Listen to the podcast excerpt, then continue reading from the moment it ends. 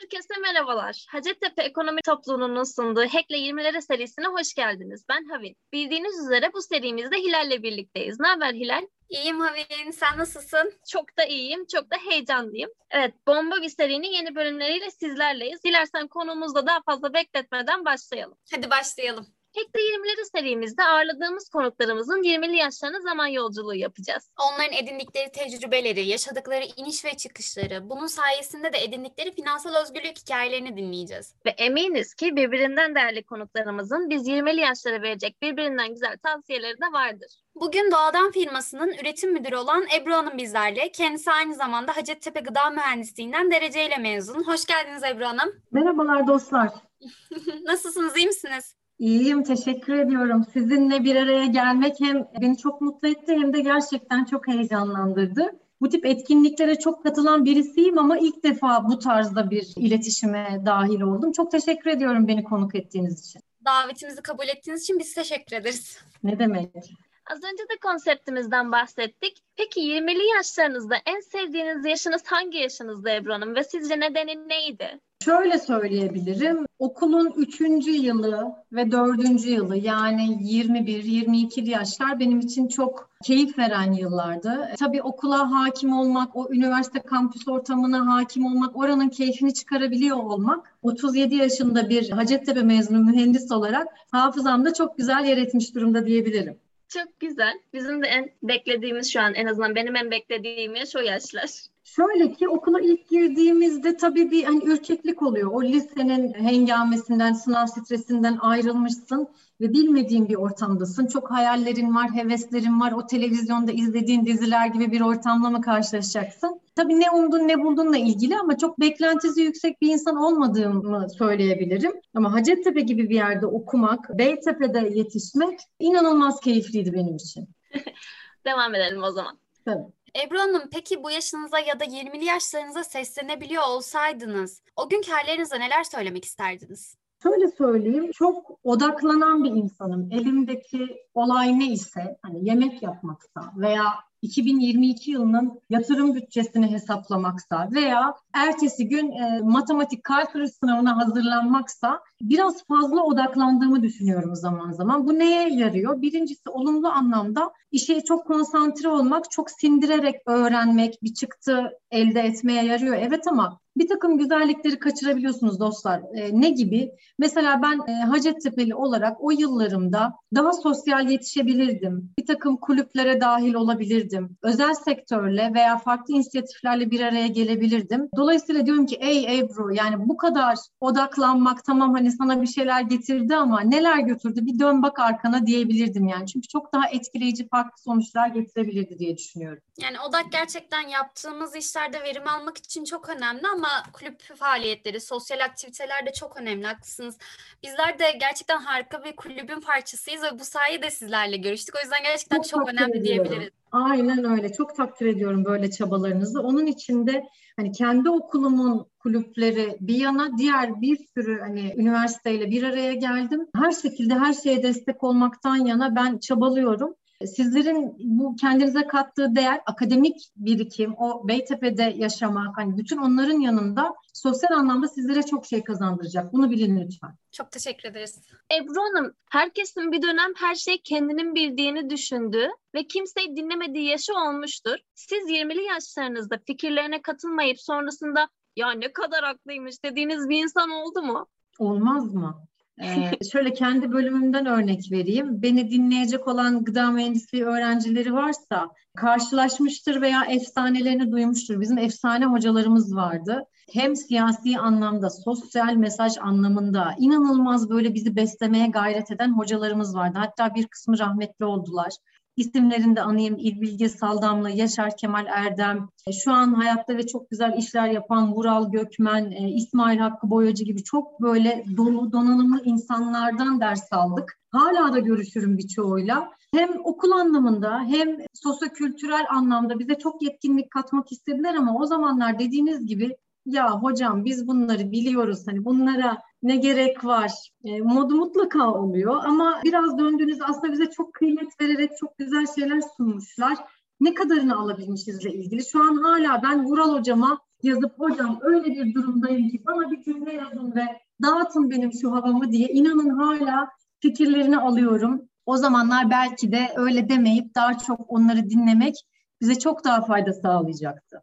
Çok haklısınız. Yani şu an cidden sizin yaşlarınızda veya sizden hatta daha küçük yaşlarda bile çok büyük tecrübeler edinmiş insanlar var ve bazen hani bizlere tavsiyeler veriyorlar. Biz diyoruz ki ya olur mu öyle şey diyoruz da bu yaşımızda düşünüyoruz aslında onları. Ama çok hak vermek gerekiyor. Aynen öyle. Biraz farklı bakış açısını, tecrübeyi yabana atmadan süzmek aslında çok şey kazandırır. Biz o zamanlar biraz daha gelişine yaşama döneminde oluyoruz. O yani okul hayatının verdiği aslında çok ciddi bir rahatlık var. Bakmayın. Sınav stresi, işte okula gitme gelme o zamanlar çok problemdi. Şimdi nasıl ulaşım bilemiyorum ama anlamsız pek çok şey sıkıntı yapıp o dönemdeki o tecrübeleri çok da böyle kendimize aktaramamak bence büyük bir kayıp. Dinlemekte fayda var. Evet. Ebru Hanım biz sizi araştırdığımız, bildiğimiz kadarıyla çok başarılı buluyoruz. Hatta sadece biz değil, Hacettepe'de sizi çok başarılı bulmuş olmalı ki bölümünüzden ilk üçe girerek dereceyle mezun olmuşsunuz. Peki o zamanlarda başarılı olmanızın sebebini nelere bağlıyorsunuz? Bu başarının altında yatan yetenekleriniz ve özellikleriniz neler? Evet, şöyle başlayayım. Aileden başlayayım aslında. Ben e, çok varlıklı bir ailede yetişmedim. Dolayısıyla hep şunu kendime motto edindim. Ebru tek atımlık kurşunun var. Üniversite sınavıma tek hakkın var. Ona odaklan, yapabildiğinin en iyisini yap. Yani bunu benimsediğim için çok fazla hani kendime başarısızlık tarafını hiç hak görmedim. Şöyle ki ben dereceyle mezun olacağım gibi bir hedef koymamıştım kendime ama benim görevim buysa ben onu en yüksek çabayla icra etmeliyim ki erişebildiğim en yüksek noktaya geleyim. Hatta şöyle bir şey yaşadım. Üniversiteye girip de dersten kalmayan olmuş mudur? Olmamıştır. Ama ben hiç beklemediğim bir şekilde daha birinci sınıfta mat 2'den kaldım. Öyle bir şok yaşadım ki kendime yediremedim. Sanki böyle hani okuldan atılmışçasına ya nasıl oluyor, kalınıyormuş gerçekten ben de kaldım gibi çok üzüldüğümü hatırlıyorum. Ondan sonra inanılmaz bir ivmeyle dört elle sarıldım. Ha şunu söyleyeyim, çok araştırarak, çok bilerek gıda mühendisliğini tercih ettim mi? Hayır. Ancak yine tek atımlık kurşun meselesi. Madem buraya girdin Ebru, en iyi şekilde kendini yetiştirip en yüksek yapabildiğin dereceyle de buradan çıkacaksın hedefi koydum. Dolayısıyla da o matematikten kalmak belki beni çok yüksek ivmeye götüren sebeplerden biriydi. Ondan sonrasında çok fazla çalıştım. Hala bölümde notlarımın dolaştığını duyuyorum. Gülüyorum, hoşuma gidiyor bir yandan da. Son süre bir baktım, aa ciddi ciddi e, ilk üçe girmişsin Ebru dedim. E, şimdi üniversite hayatına geçince benim ilkokulda da hani diğer ortaokul lisede de ailem hiç muhatap olmamıştır benim derslerimle, okul, okul yönetimimle. En son mezuniyet töreni olacak. Aileme dedim ki ya ben dedim hani dereceye girdim. Ödül alacağım. Hani gelmek görmek misiniz? aileler geliyor, izliyorlarmış, böyle böyle tören oluyormuş. Şimdi ailem çok şaşırdı mesela, hiç beklemiyorlardı. Ha şöyle, bu hayatın iyi gittiğini biliyorlardı ancak öyle bir dereceli mezun olup plaket alacağımı düşünmüyorlardı. Çok sevindiler, çok gururlandılar ve bir otobüs şeklinde biz mezuniyet törenine gittik. Güzel bir gündü. Babamın ağladığını ilk defa gördüm. Ama şöyle söyleyeyim, hiçbir şekilde ben bunu dillendirmedim. Ben Hacettepe Gıda Mühendisliğini dereceyle bitirdim. Baktığınızda hani evet çok başarılı bir hikaye olabilir ama denizde bir damla çok daha başarılılar var. Ancak şöyle bir gerçek var. Siz dillendirmeseniz de e, o bir şekilde duyuluyor, anlaşılıyor, ortaya çıkıyor ve çok güzel takdir alıyor. Bu da hani gurur verici bir şey. Keşke ikinci değil birinci olsaymışım. Niye ikincilik diye düşünüyorsunuz zaman zaman ama benim için çok güzel bir hikaye ve hani bu yaşıma kadar hiç dillendirmemekle birlikte dediğim gibi yani hemen hemen herkes bilir ve çok da takdiri görürüm. Gerçekten çok emek vermişsiniz. Çalışan, önem veren biri olarak da dersinizden kalmak sizi hem sarsmış ama kendinize de getirmiş. Aynen Aynı dereceyle mezun olmanız gerçekten çok büyük bir gurur. Umarım bize de hani nasip olur da bizler de bu duyguyu tadarız diyeyim. E, hedeflediğiniz noktaya bağlı, vizyonunuza bağlı. Yani dereceyle bitirmek bir hedef olabilir. Belki akademik kariyer veya kendinizle ilgili benim gibi tek atımlık kurşun mottonuz var ise ama hani bir takım farklı taraflara yönelme arzunuz varsa enerjinizi, vaktinizi, kaynaklarınızı oraya yönlendirmenizi tavsiye ederim. Ama tabii ki elinizdeki işi en iyi şekilde icra etmek bu bir Hacettepe'liye çok yakışan e, slogan olmalı diye düşünüyorum. Yani Hacettepe'li demişken peki sizce biz Hacettepe'lileri diğer okullardan ayıran en büyük özelliğimiz, imkanımız nedir?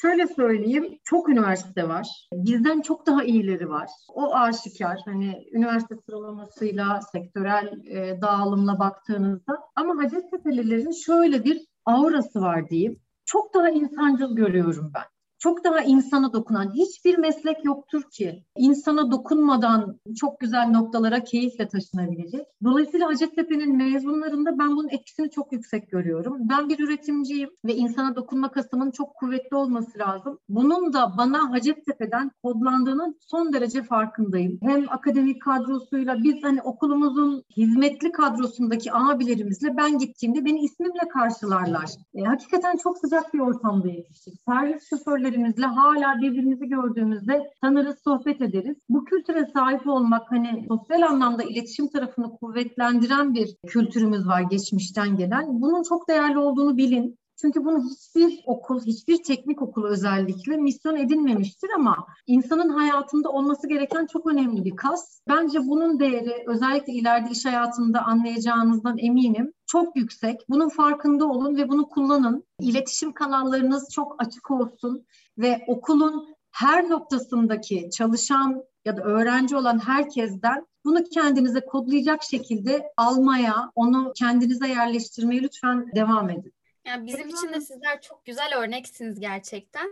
Yani bu sayede ben de kendimi bu okulda bulunduğum için çok çok şanslı hissediyorum. Çok doğru hissediyorsun. Ben e, Hacettepe'yi Türkiye'ye benzetiyorum. Evet hani ODTÜ, Boğaziçi onlar İstanbul olabilir. Metropolitan hani statüsünde olabilir ama bence Hacettepe, Beytepe ortamı kesinlikle Türkiye. E, ben şunu çok iyi biliyorum. Siyasi ya da hani statü, gelinen coğrafya anlamında hiç kimseyi dışlamayan, çok eski zamanlardan bu yana dışlamayan tek okul bence Hacettepe. E, hiçbir şekilde yemekhanede ayrı bir gruplaşma olmaz, oturma olmaz. Herkes kendi ekibini bilir. Sen onun farklı görüşten olduğunu bilirsin. Türban yasası çıkmadan bizim bölümümüzde türbanlı arkadaşlarımız gayet rahat dolaşırdı. Hiç mevzusu bile olmazdı. Veya farklı sağ görüşte, sol görüşte olan arkadaşlarımızı çok iyi bilirdik ama hiçbir şekilde olumsuz bir duruma taşınmazdı bu konular.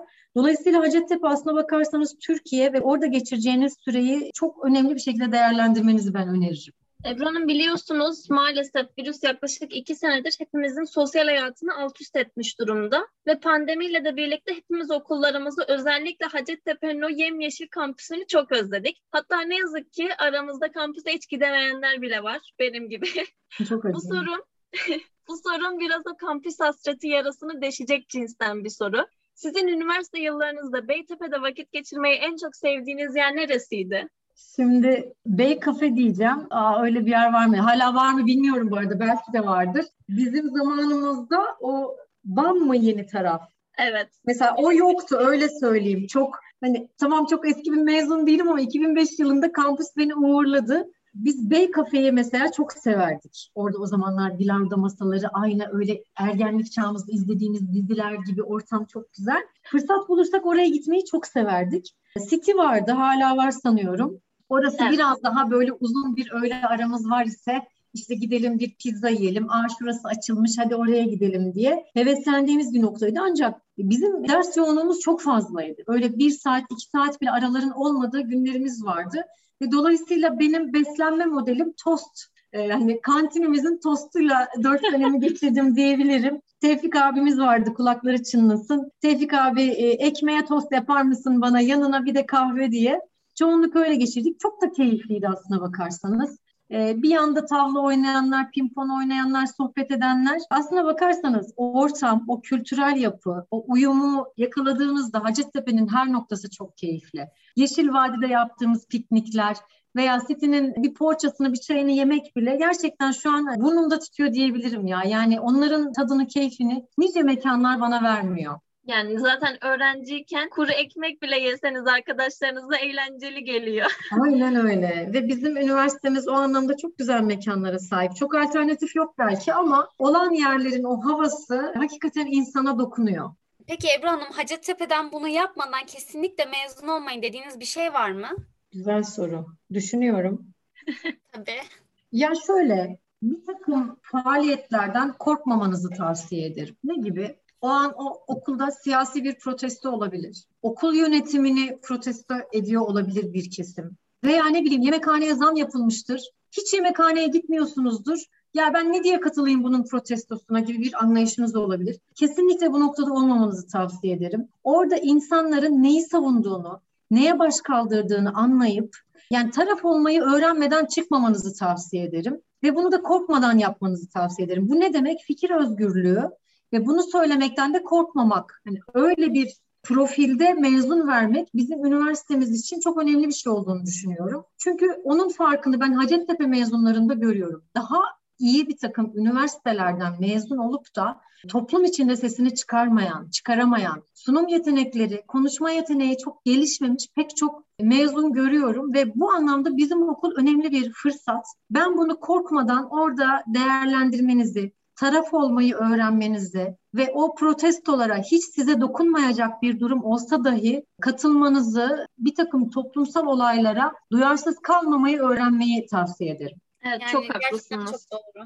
Yani haklıya haklı, haksıza haksız demeyi, her Aynen şey öyle. yerinde. Onu söylemeyi, bilmeyi, söylemeyi ve söylemekten korkmamayı öğrenmeniz çok önemli arkadaşlar. Evet. Peki Ebru Hanım, sizin 20'li yaşlarınızı, kampüste geçirdiğiniz zamanları dinledik. Biraz da Hacettepe'li olmanın iş hayatındaki yerini ve size katkılarını merak ediyoruz. Ve iş hayatına atılmak denince aklımıza gelen temel kavramlardan biri de finansal özgürlük.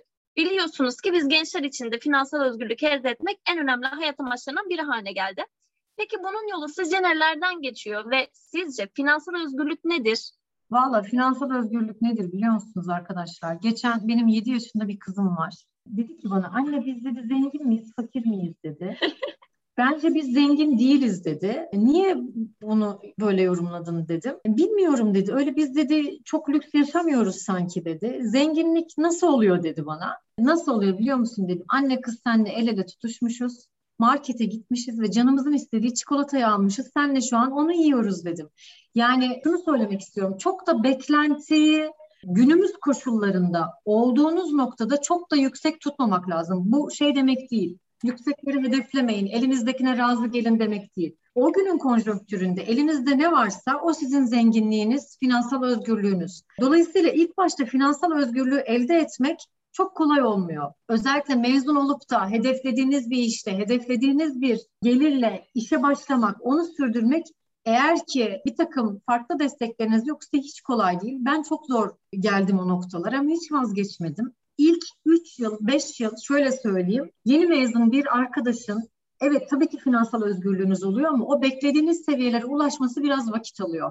Buna hazırlıklı olmanızı tavsiye ederim. Hayal ettiğiniz gelire ulaşmak için biraz sebat lazım. E, Bu anlayışta kendinizi elinizdeki işe adar iseniz bu süre kısalıyor. Ama beklentiyi yüksek tutup çok fazla iş değiştirmek işte ben finansal özgürlüğümü elde etmem lazım. İşte benim yılda bir sefer yurt dışına çıkıp tatil yapabilmem lazım. İstediğim cep telefonunu alabilmem lazım. Bence finansal özgürlük bu değil. Yaptığınız işin makul zamanda istediğiniz seviyeye getirdiğinizde onun karşılığını hali hazırda alıyor olmanız lazım. Almıyorsanız baş kaldırın. Evet ancak İlk iki yıl, üç yıl zor geçeceğini lütfen bilerek sektöre yayılın. Sonrasında bunu kazandığınız zaman bunu size sorduklarında anlatıyorsunuz, tavsiye veriyorsunuz. Keşke şey olsa hani standart bir takım durumlar olabilse. Olamıyor. Bir takım şeylere razı gelip sabretten sonra çok uzun sürmüyor o seviyenin yükselmesi.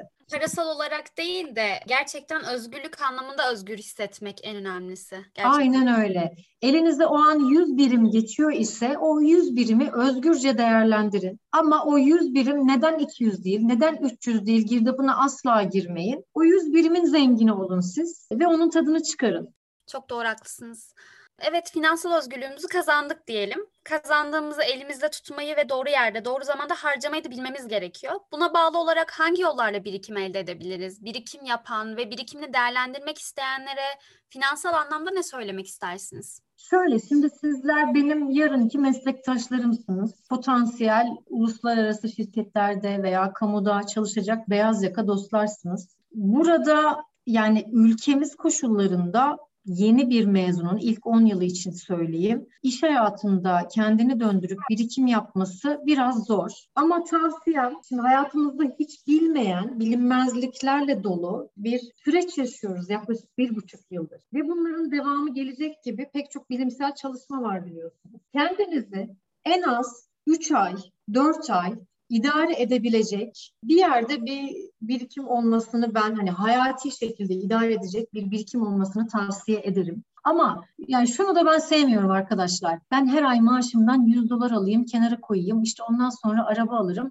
Biz bunun için yetişmedik. Biz bunun için Hacettepe'de okumadık. Tabii ki arabamız olsun, evimiz olsun, işte birikimimiz olsun, tatillere gidelim ama kendimizi ona da adamamamız gerektiğini düşünüyorum. Yani birazcık o finansal özgürlüğün keyfini çıkarmak, ancak bu belirsiz dünyada da başımıza gelebilecek herhangi bir şeyle en azından 3-4 ay mücadele edebilecek mutlaka hani o bir risk senaryosu çalışması gibi düşünün. Bir B planımız olması bence önemli. Dediğim gibi kendimizi de ona adamadan çünkü o e, o bilinmezliğe hazırlık tarafında kendimizi yoğunlaştırdığımızda e, hayatın keyfini kaçırırız. Tabii ki birikim olsun ama e, anı yaşamak bence çok daha keyifli. Ben şimdi farklı bir konuya değinmek istiyorum Ebru Hanım. Bu hem benim gibi kadın bir mühendis adayının ve eminim tüm kadın mühendislerin ve adaylarının da en merak ettiği konulardan biri. Bu sizin iş hayatınızda kadın bir üretim müdürü olmanızla alakalı. Yani biliyoruz ki hala birçok şirket işe alımda kadın erkek mühendis ayrımı gözetiyor. Hatta cinsiyetle kalmayıp yaş ayrımı gözetilen yerler de var. Bu sorum ikisiyle de alakalı olacak. Fabrikada çalışan bir kadın olarak yaşadığınız zorluklar oluyor mu? Yani biz 20'li yaşlarında olan gençlere Yıllardır bizlere işlenmiş kalıpları yıkmamız için neler önerirsiniz?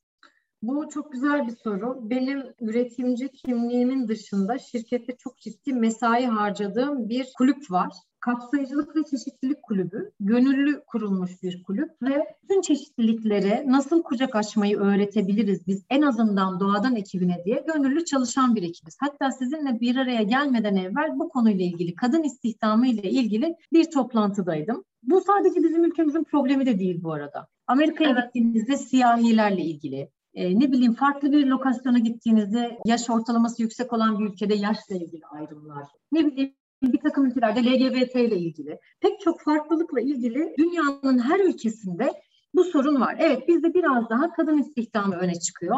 Bir kadın olarak fabrikada çalışmak zor mu? Evet zor ama Hacettepe'de yetişmiş Ebru Kaya'nın fabrikada çalışmayla ilgili hiçbir zorluğu olmadı arkadaşlar. Niye ben ben gerçekten iyi yetiştirilmişim. O kültürü almışım. Bu ne demek? Fabrikadaki, ben 12 yıldır buradayım. 12. yılım olacak Eylül'ün sonunda. Bu fabrikaya gelmiş geçmiş şu an çalışanlar ya da öncesinde çalışanların herkesin ismiyle bilirim. Ne iş yapıyor bilirim. Onunla iletişimi nasıl sağlamam gerektiğini bilirim. Ve o da bana onun karşılığı olarak zaten döner. Bunu sağladığınız zaman yani ben burada cinsiyetimle ilgili bir sorun yaşamadan kariyer hayatımı devam ettireceğim fikriyle yola düştüğünüz zaman hiçbir sorun yaşayacağınızı düşünmüyorum. Keza ben yaşamadım. Bu benim üçüncü fabrikam. Doğadan'dan çok daha büyük bir organizasyonda da çalıştım. Daha küçük bir aile şirketinde de çalıştım. Şimdi de 12 yıldır Doğadan'dayım.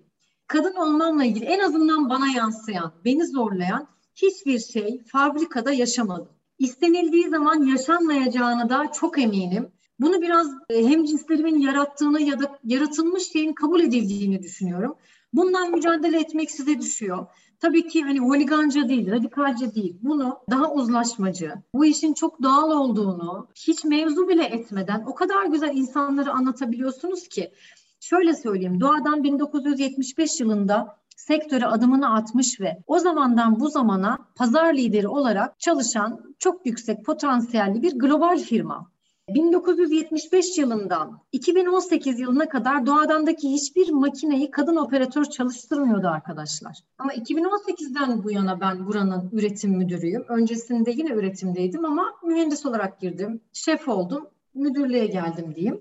Şu anda benim ekibimin %15'i kadın çalışan gayet üç vardı ya aynı erkek operatörlerimin yaptığı gibi makineleri çalıştırıp boylarından büyük devasa ürün paletleri çıkarıyorlar ve ben gurur duyuyorum. Onlara ekstra eğiliyorum. Ellerimden ne geliyorsa yani onların konforlarını iyileştirmek için mücadele ediyorum. Keza en azından etkileyebileceğim dünya neresi? Şu an doğadandaki çalışma arkadaşlarım. Kapsayıcılık anlamında mesaj verebileceğim her şeyde gönüllü olarak çalışıyorum. Bir takım sivil toplum kuruluşlarıyla çalışıyorum Burada çalıştığım bölgedeki Akyurt Belediyesi kadın kooperatifleriyle ilgili gidip onlara gönüllü destek veriyorum. Farklı sivil toplum kuruluşlarının kadın çalışma gruplarına dahil oluyorum. Ben en, en azından bunun için çalışan bir kadınım Türkiye'de. E, bu yola girdiğinizde, bu anlayışta olduğunuz zaman fabrikada çalışmak hiçbir kadına zor değil. Çok net bunu söyleyip altına imzamı atarım. Zaten çok güzel şeyler söylediniz. Çok haklısınız. Bunu kanıtlamamızın da en güzel yolu başarılı olmak yani. Onların yüzüne bunu Hiç vurmak. kimse e, şey diyemez. Çıkıp da yarın Cumhurbaşkanımız dese ki bundan sonra her şirket aldığı çalışanın yarısını kadın alacak dese ya bu iş bu, bu bunu çözecek konu değil. Bunu çözecek konu biziz. Bu iş bizde bitiyor. Yani karşı tarafı ikna edip önce kendimizi ikna edip sonra karşı tarafı ikna ettiğimiz zaman bunu yaşadığınızda göreceksiniz. Evet. Maalesef biz ayrılan sürenin sonuna gelmekle beraber son sorumu da soruyorum o zaman Ebru Hanım. Üretim müdürü Buyurun. olarak sanıyoruz ki aynı anda çoğu işe ve çalışana hakim olmak, haberdar olmak durumundasınız. Kendinizi bir kaosun içinde bulduğunuz zamanlarda kriz yönetimini nasıl yapıyorsunuz? Final soru en hoşuma giden soru açık söyleyeyim. Şöyle ki fabrikalarda pek çok departman var. Ee, Üretim her departmanla kesişen ve her vaka aslında acil servise gelmiş bir hasta vakası gibi diye düşünebilirsiniz. Hepsi hayati, hepsi acil. Hiçbir şekilde ya şunu da yarın yaparız diyebileceğiniz bir dünyanız yok üretimci olmak istiyorsanız. Ben bunu bilerek, isteyerek e, hedefledim ve hedeflediğim yere geldim. Ancak ancak şöyle söyleyeyim, e, bu acil durumlar her zaman tatlılıkla çözülebiliyor mu? Keşke öyle olabilse. Ama bunları yaşaya yaşaya, tecrübe ede ede o kadar soğukkanlı olmayı öğreniyorsunuz ki. Ve siz soğukkanlı olduğunuzda bu o bütün ekibe yansıyor. Bana ekip arkadaşlarım geldiğinde biliyorlar ki bu konu Ebru'da ne yapar eder bunu çözer. Çünkü Ebru'nun başka şansı yok. Tek atımlık kurşunun mottomu onlar da çok iyi bilir. İlk önce bir dakika arkadaşlar bir sakin olalım. Bu konu nedir? Nasıl yapmalıyız? Yapmazsak başımıza ne gelir? Tane tane, basamak basamak, çok kısa bir beyin fırtınası ekipte herkesin de fikrini dinleyerek o diyaloğa girdiğinizde önünüze gelen her krize çare bulabiliyorsunuz arkadaşlar. Hiçbir konu çaresiz değil. Benim buradaki en önemli, benim en yüreğimi hoplatan konu şöyle söyleyeyim, iş güvenliğinin sağlanmasıdır. Allah korusun bir iş kazası olmadığı sürece ve olmaması benim en büyük gündemim. Her gün benim günlük toplantım fabrikadaki iş güvenliği ile ilgili bir durumumuz var mı diye o konudan sorumlu arkadaşımı dinlemektir.